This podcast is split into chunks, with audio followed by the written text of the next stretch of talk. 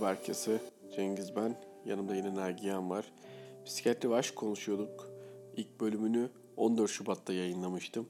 İkinci bölüm için oraya biraz zaman girdi. Bunun için özür diliyorum. Ama şimdi kaldığımız yerden devam edelim Nagihan'la. Nagihan söz sende diyeyim o zaman. Aşka dair neler diyeceksin? Çok insana dair bir duygu ve içinde birçok şeyi barındıran bir duygu. Yani e, aşkın aslında iyileştirici bir tarafı da oluyor. Çünkü e, kişinin bir şekilde belki de daha iyi bir insana dönüştüğüne inanıyor. Yani ben gerçekten aşkın o kısmına inanıyorum yani biraz daha böyle iyileştirici etkisinin olduğuna. Çünkü belki bir anlamda hani karşımızda ne istediğimizi e, ya da bir şekilde istediğimiz şeyleri, aradığımız şeyleri yansıttığımız ve doyum aldığımız. Bu biraz aslında anne çocuk ilişkisine de benziyor. Yani e, ben ne yaparsam yapayım bir e, annemin beni kapsayıcı, o işte sarıp sarmalayıcı, aynalayıcı işlevi, özellikle aynalayıcı işlev çok önemli.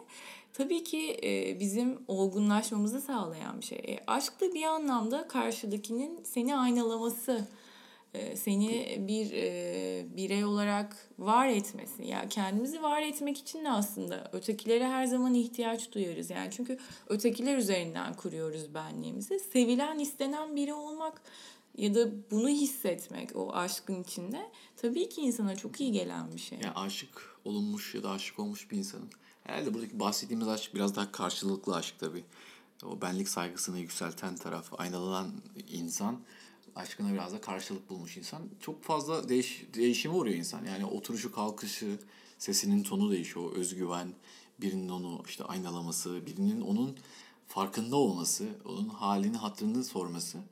E, aşkın böyle bir tarafı var. Ben aşkı şöyle de e, şuna benzetiyorum. Böyle bir çok saçma bir metafor belki ama çimentoya benzetiyorum.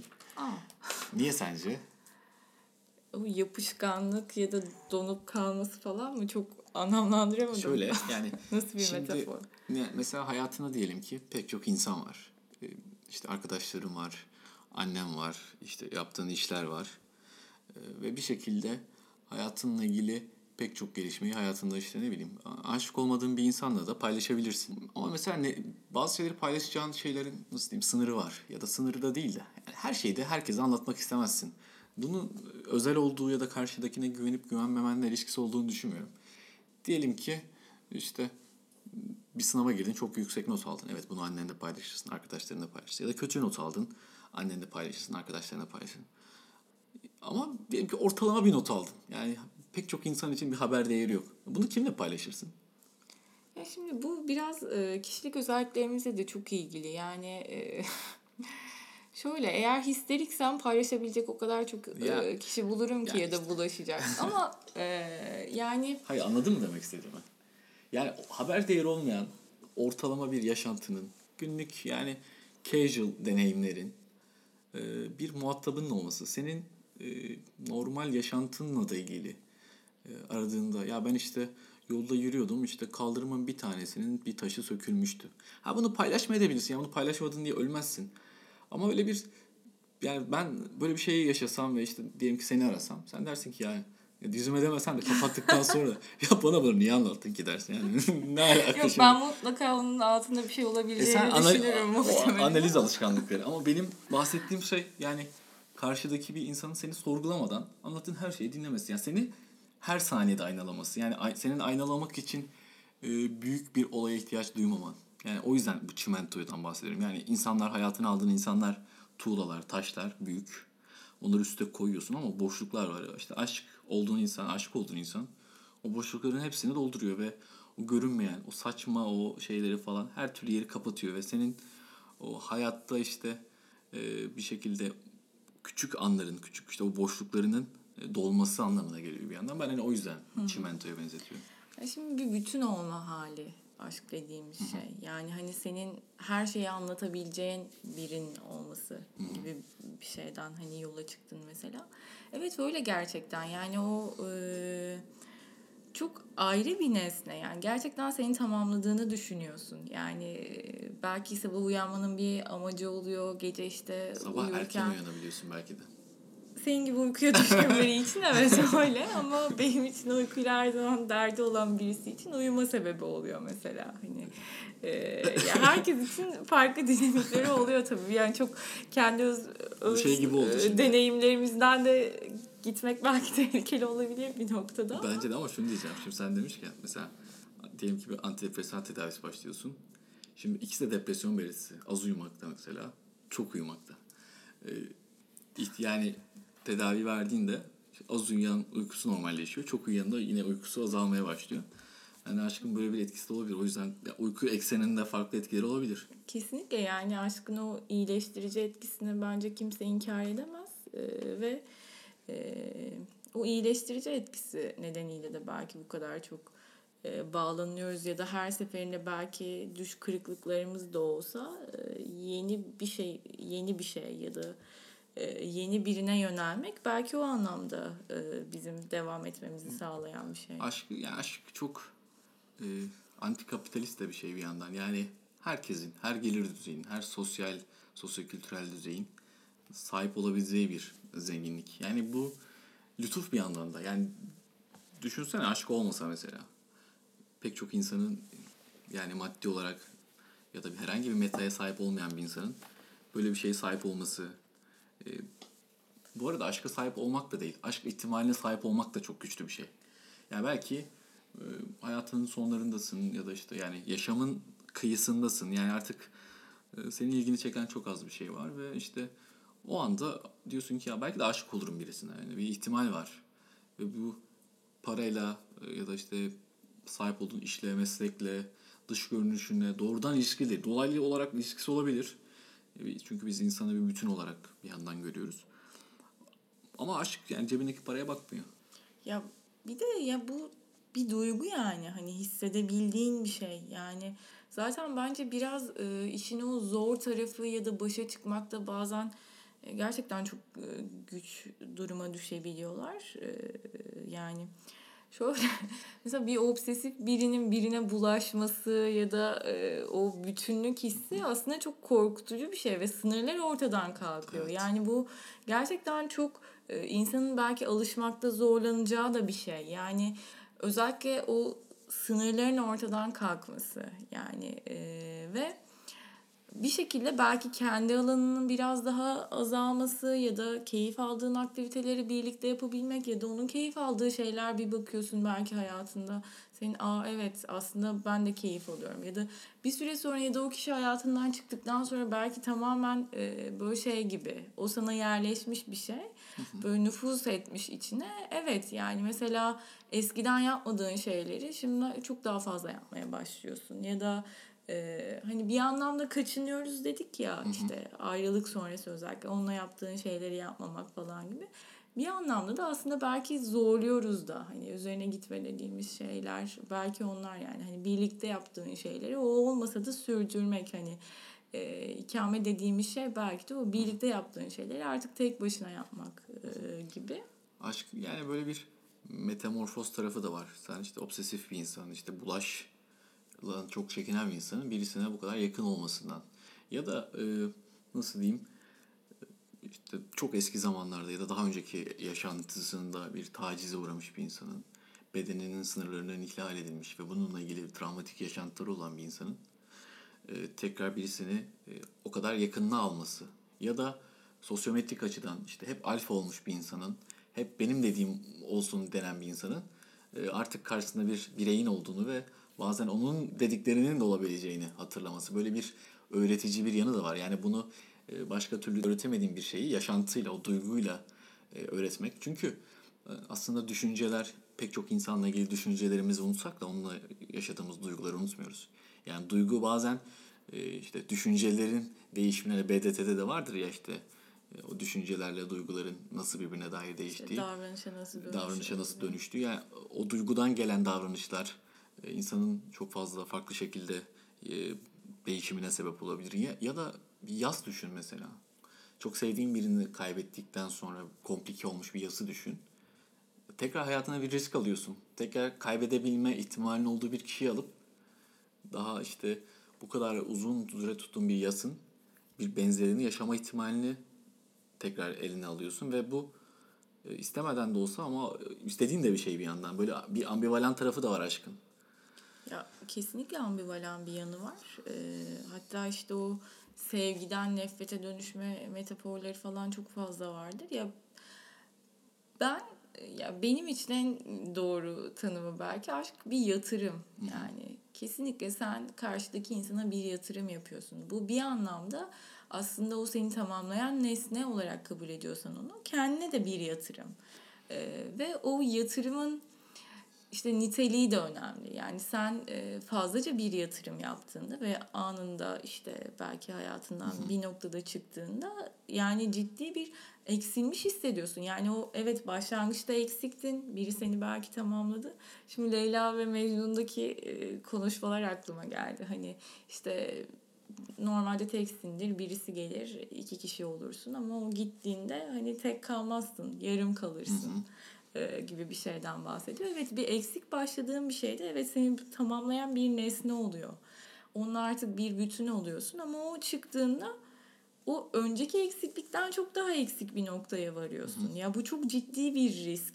Yani aldığın o risk çok fazla ama e, bir şekilde de hayatının her noktasında da bu duyguları ya da oradaki o e, iyilik hali ya da ilk hissettiğimiz zamanlarda işte o kortizolün yükseldiği zamanlarda ki e, hazzı ya da oradaki doyumu arıyorsun. Evet yani e, tabii ki böyle bazı insanlar var hayatı boyunca tek eşli olabilmiş ya da tek bir kişiye bağlı kalabilmiş gibi ama tabii hayatın e, yani yaz sürecinden sonra da e, çok ciddi birini kaybediyorsun. Aile yakınını kaybediyorsun mesela. Üç gün yemek yemiyorsun. Dördüncü gün yemek yemeye başlıyorsun. Yani çünkü hayatın devam ediyorsa bir noktada devam etmek zorunda.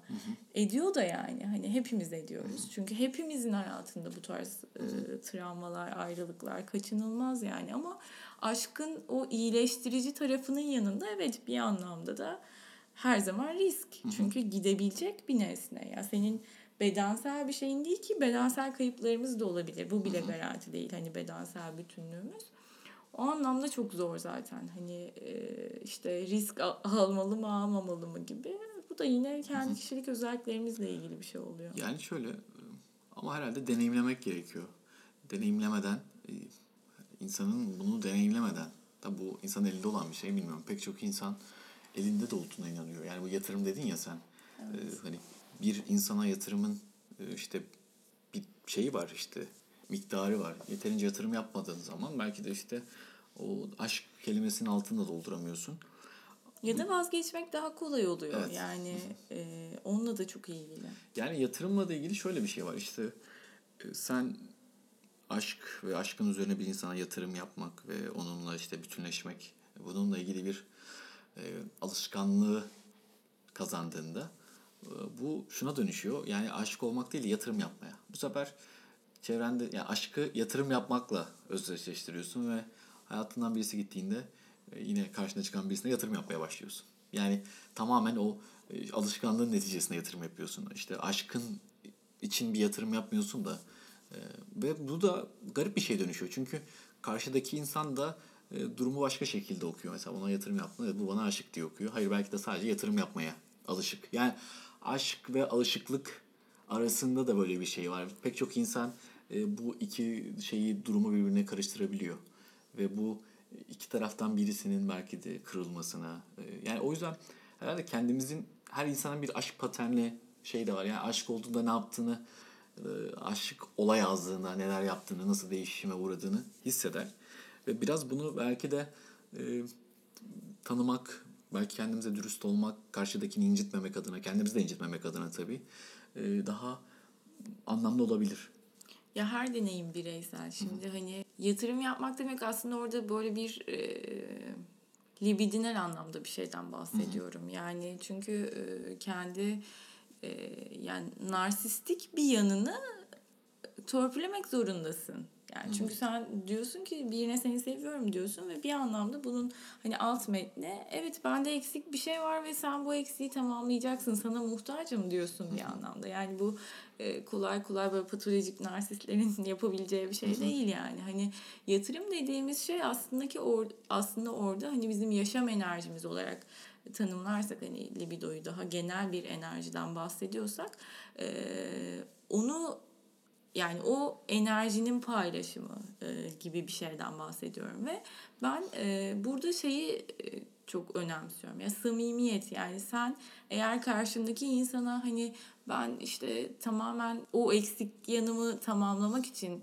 e, seni istiyorum ya da sen bunun için e, varsın gibi bir şey ya tabii bunların hepsi aslında bilinç dışı metinler. Yani gerçek gidiyorsun seni seviyorum dediğinde arkasından gelen cümleler değil. Benim hani söylemeye çalıştığım şeyler hep bilinç hep dışı şeyler. Duvarın ardı şeyler. Aynen duvarın ardı şeyler gerçekten. O yüzden o samimiyeti hissettirmek önemli. Yoksa tabii ki yani e, biraz böyle belki şey sömürücü bir yanı da var aslında aşkın. Yani hani e, belki de bazen şey gibi de algılanabilir. Seni seviyorum ben ya. Hani sen de bana bir şey vermek zorundasın karşılığında. Hani gibi bir e, yanı da olabilir. Ama tabii her deneyim bireysel. Yani genel e, birçok şeyden bahsediyoruz burada. O anlamda şey değil. Aradaki samimiyete inananlardanım yani. Peki sence e, bunu kuramsal bir zemine oturtabilir misin bilmiyorum. Yani nörobiyolojide de bir açıklaması var mı?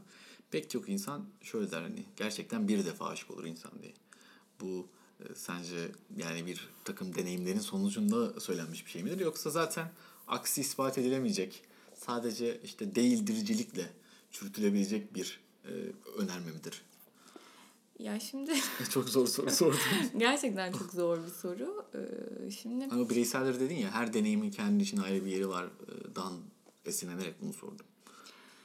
Ya şöyle evet her deneyim farklı ama yani şimdi beylik cümleler edebilecek biri değilim. Yani çok da çekinirim böyle şeyler söylemekten. Ee, e, o yüzden yani bu soru gerçekten zor bir soru. İnsan sadece bir kere mi aşık olur?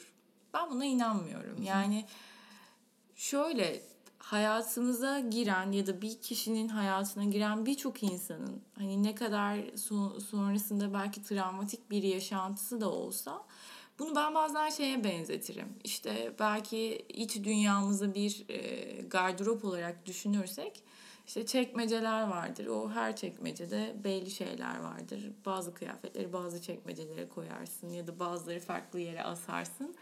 Ee, belki çok e, şey bir metafor oldu ama herkesin e, bizim hayatımıza girmiş ya da insan hayatında olan herkesin işte baştan beri söylediğim şey kendimizi öteki üzerinden kuruyoruz.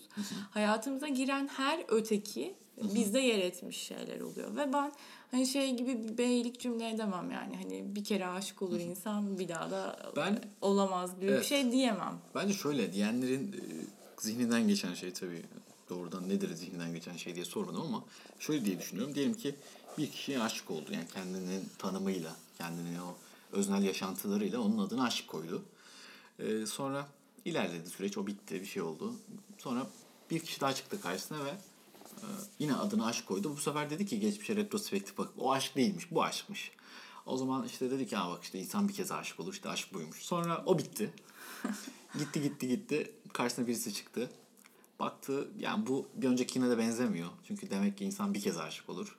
Sonra gitti gitti gitti. Oldu. Baktı işte kendi öznel yaşantılarına yine. Aa bu aşkmış. Demek ki onlar aşk değilmiş. Bu aşkmış. Bir kere olur falan. Yani hani bir şey bir kez olur dersen olur. Bir kez olur. Ya orada da yine bence daha fazla anlam yüklemek, anlam atfetmek adına yani Şöyle daha idealize- idealize etmekle Evet, o- ilgili. o zaman evet, şöyle bir- bir kere aşık olunur.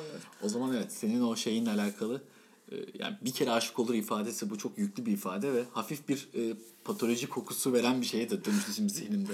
Şimdi patoloji demeyelim de. O zaman soracağım mesela e, böyle kişilikle ilgili bir durumdan şüphelendiğimde mesela insan bir kez mi aşık olur? Bir kez diyenlere Ya bu, hani bu kişilik patolojisini ortaya dökecek bir şey değil yani. Hani sorabilirsin tabii bu senin kendi Benim e, kısa- bileceğin iş olur ama. benim tezim tez konum e, kişilik bozukluklarının işte depresyon yanıtıyla ilgili bir şey ve çok kısa bir ölçek arıyoruz tez hocamla hani EKT yanıtında böyle Böyle bir ölçek Aynen yapalım. tek yani. soru. Tek soruyla kişilik bozukluğu tanısı konulur. Yok yani e, bir kez yaşanırı da olabilir ya da bir kez yaşayan insanlar da var. Yani şimdi bunları da şey yapamayız yani hani e, tamam yani belki de onlar için kıymetli olan şey odur. Yani bireysel olduğunu fark etmek lazım bence. Ya kimsenin aşkı e, bir başkasında bir anlam ifade etmeyebilir ya da çok anlamlı da gelebilir. Yani e, o yüzden neyin ne olduğu bazen süreyle de çok e, kıyaslıyorlar. Ben sürenin de çok anlamlı olduğuna inanmıyorum ki bazen gerçekten Yaz aşkı var mesela. yani gelen e, hastalarda falan da oluyor ya da özellikle şey çok oluyor ya. Hani mesela iki aydır görüşüyormuşsunuz ya ne aşkı bu falan gibi. Evet. Ya bu, bu çok farklı bir şey. Yani bu bence bir anlamda devalüe etmek için de kullanılan bir şey. Tabii, ya tabii. paylaşım dediğin şey tabii ki mesela 30 yıl hayatında olan bir insanla paylaştığın şeylerle iki ay hayatında olan bir insanla paylaştığın şeylerin aynı olması mümkün değil. ya da. Süreden bağımsız bence. Evet ama ya hissettiğin şey ya da o duygular süreden kesinlikle bağımsız. Yani e, ve sende bir yerlere dokunuyor. Yani hayatına giren her insan e, bir yerlere dokunuyor. Bazısı çok naif e, bir noktaya geliyor. Çok naif bir yerlere dokunuyor. E, bazısı da biraz daha yüzeysel e, kalabiliyor. Yani ikisi de belki deneyim anlamında birbirinden çok farklı. E, o zaman bir noktada şey de denilebilir. E, bu aşksa bu ne falan gibi. Bunların hepsini aşk olarak da tanımlanabilir ama yok bunlar aşk değilmiş ya gelip geçiciymiş falan. Bir de şey gibi bir kavram da oluyor ya bazen. Hani böyle aşk dendiğinde tamamen sonsuza dek sürecek, hiç bitmeyecek falan. Bunlar hep bence biraz ilkel idealizasyonla ilgili. Yani evet burada belki bir e, patoloji kokusu alınabilir o ilkel e, idealizasyonla Yani ilgili. şu, o hiç bitmeyecek kısmı şöyle. Ben belki de o bir ötekinin bir bende hiç bitmeyecek olmasıyla alakalı. Yani ya da benim bir ötekinin zihninde hiç bitmeyecek olmamla alakalı. Sen ona- Bitmeyebilir Evet, gerçekten. onun bu adına aşk de, başka Evet de. yani Ama buna bir aşk şey de sonsuza başka gidebilir. bir şey de gidebilir bu kesinlikle ama yani e, taşıdığın şey ya da o kişinin sende yarattığı şey ya da o çekmecelerden birine yerleştirdin belki onu. Belki şu an çekmecenin kilidini bir yere koydun ama belki 30 yıl sonra o çekmeceyi açacaksın tekrar bakacaksın. Belki e, çok iyi duygular gelecek. Belki pişmanlıklar gelecek, başka şeyler gelecek ama bunlarla barışabilmek de bence aşkı güzel kılan şey. Çünkü geçmişimizde olan biri ya da hani güncelde de olabilir. İşte iyi yanları, kötü yanları dediğimiz belki yani çok split yapmamak lazım. Hani evet birlikteyken çok iyiydik, ayrıldık. e- Evet dünyanın en kötü insanı falan Sen gibi. söylerken aklıma şey geldi. E, aşk e, böyle hep sanki bir başkasını tanımak üzerine bir şeymiş gibi ama bence aşk en çok kendini tanımak. Kesinlikle. Birisine aşıkken e, giyimin değişiyor, konuşman değişiyor. Pek çok davranışın değişiyor. Ve biz e, şöyle bir şey vardır mesela bu cinsiyet geçiş sürecinde de işte derler ki ben işte e, işte olacağım, e, işte kadındım erkek olacağım. Bunun bir süreç olduğunu yani insanın asla tam manasıyla e, heteroseksüel şey, e, heteroseksüel de olsa, straight de olsa yani tam manasıyla olduğu cinsiyeti olmadığını çünkü insanın hayatında pek çok değişken olduğunu yani işte sen aşık bir erkek olduğunda nasıl olacaksın? İşte işsiz bir erkek olduğunda nasıl olacaksın? 60 yaşında bir erkek olduğunda ya da torunun olduğunda. İnsanın sürekli e, değiştiren ve çeşitli varyasyonlar var ve e, insanın tanımı da değişiyor. Kendine dair özellikleri de değişiyor.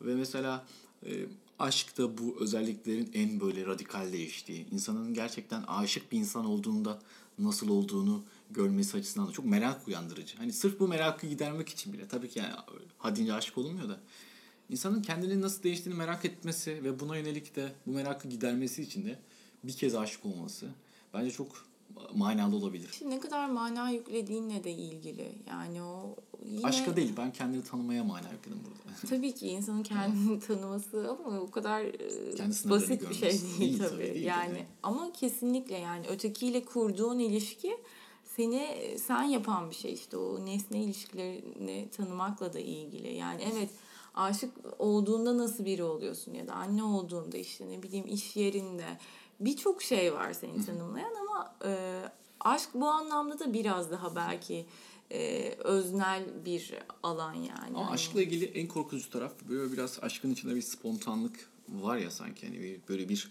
otokton pıt diye çıkıyor böyle sanki. Ee, o öyle mi bilmiyorum ama öyleyse şayet Onun o işte bu yatırım kısmı ile ilgili yani bir insanla bir ilişki halindesin. Bu aşk dediğin şey de hani sürprizlerle, spontaniteyle dolu. E, birisi geçti kenardan ona aşık oldun. Öyle bir şey var mı sence? Ya olabilir şimdi eee, yani diyorum ya hep ben içime dönen biriyim ya da içsel e, nesnelere önem veren biriyim. Eee sende neyi harekete geçirdiği önemli. Yani bazen bir gülüşü harekete geçirir, bazen ne bileyim yazdığı bir şiir e, çok anlamlı gelir senin için. Bazen hiç tanımazsın ama ona dair bir şey görürsün eee, ve bir merak uyandırır. Yani o merak bile bir şekilde e, senin içinde bir şeyleri harekete geçiren bir şey. Yani şöyle tesadüflere inanan biri değilim. Hani hiçbir şeyin tesadüf olduğunu da düşünmüyorum. Bu arada Hani, aşk tesadüfleri sever iki vizyon.